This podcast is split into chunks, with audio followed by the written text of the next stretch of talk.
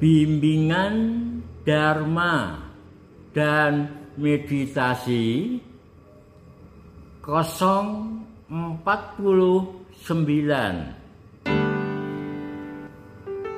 Bagaimana bisa tidak bereaksi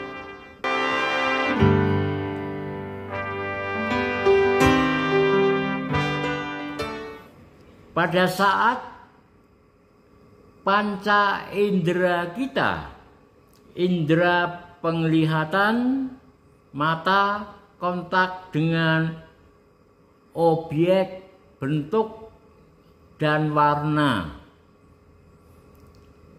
Indera pendengaran telinga kontak dengan suara. Indera penciuman hidung kontak dengan bebauan indera pengecap lidah kontak dengan rasa makanan minuman juga indera sentuhan tubuh kontak dengan sesuatu dan indera yang keenam, indera pikiran, kontak dengan pikiran-pikiran baik dan buruk yang bermunculan. Juga kontak dengan buah-buah pikir atau bentuk-bentuk pikiran yang baik maupun yang buruk tentang segala sesuatu. Pada saat-saat itu pasti muncul rasa suka atau tidak suka atau bukan suka atau bukan tidak suka. Sampai pada tahap ini masih aman aman saja. Seseorang belum akan berbuat kejahatan atau keburukan atau melakukan perbuatan baik. Tetapi bila kita bereaksi dengan berpikir, menanggapi rasa suka, rasa tidak suka, rasa bukan suka atau bukan tidak suka, inilah yang akan menimbulkan kondisi berikutnya yang bisa membahayakan.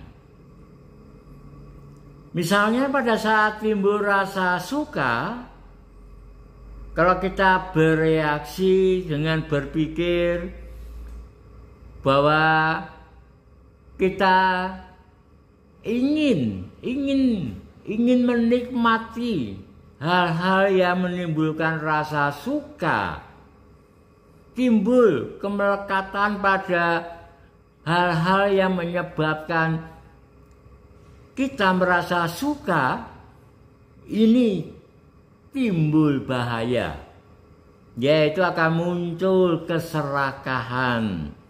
Karena ingin ingin terus mengulang mengulang mendapatkan hal-hal yang menimbulkan rasa suka. Maka timbullah kemelekatan timbullah keserakahan. Demikian pula kalau yang muncul itu ras, rasa tidak suka, maka kalau kita melekat pada rasa tidak suka ini, tidak mau ketemu lagi dengan hal-hal yang menimbulkan rasa tidak suka, ini pun kalau tidak disikapi dengan bijaksana akan berkembang menjadi kebencian. Kalau rasa bukan suka atau bukan tidak suka,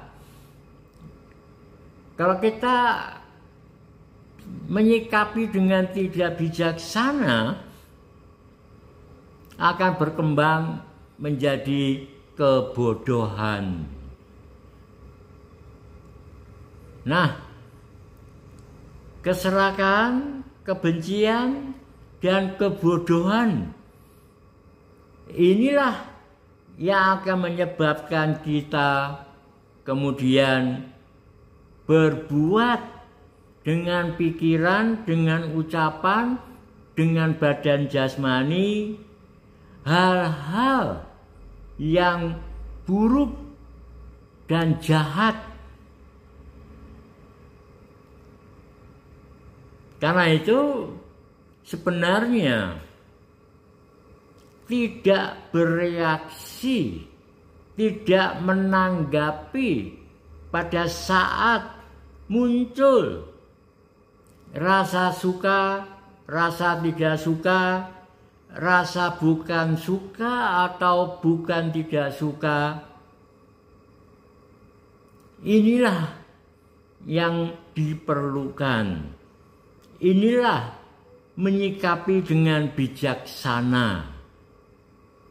Nah, bagaimana kita bisa tidak bereaksi?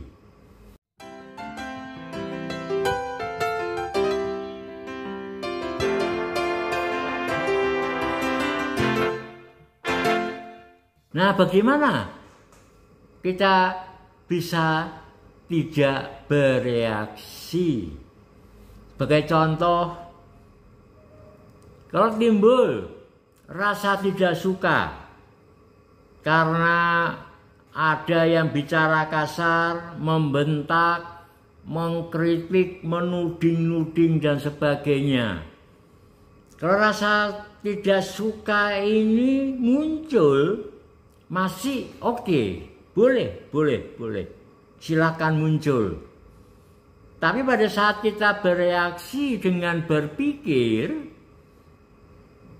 Orang kok begini begitu tidak menghormati, tidak menghargai, tidak punya etika dan sebagainya, maka emosi akan berkembang. Rasa tidak suka bisa menjadi kebencian atau timbul kemarahan. Dan kalau kita mempunyai pendaman-pendaman emosi, kemarahan, kebencian dalam hidup kita saat ini bahkan dalam kehidupan-kehidupan lampau yang tersimpan di dalam bawah sadar ini akan terpicu keluar dari bawah sadar, memasuki kesadaran pikiran dan kesadaran perasaan atau emosi kita. Sehingga kemarahan dan kebencian yang muncul tadi akan menjadi berlipat ganda. Kesadaran kita akan dikuasai oleh emosi kemarahan dan kebencian yang makin besar, makin kuat. Kesadaran kita seperti hilang dikuasai oleh emosi negatif tadi. Sehingga kita bisa balas memaki, balas membentak, bisa memukul, bahkan bisa membunuh, mencekek, mencekek lehernya. Kalau kebetulan ada benda keras di situ, bisa kita pukulkan pada kepalanya karena kesadaran kita pada saat itu hilang dikuasai oleh emosi, kemarahan, dan kebencian. Karena itu, kita bisa belajar berlatih untuk tidak bereaksi. Seandainya, seandainya muncul rasa tidak suka tadi, emosi emosi kita timbul kemarahan pada orang tadi,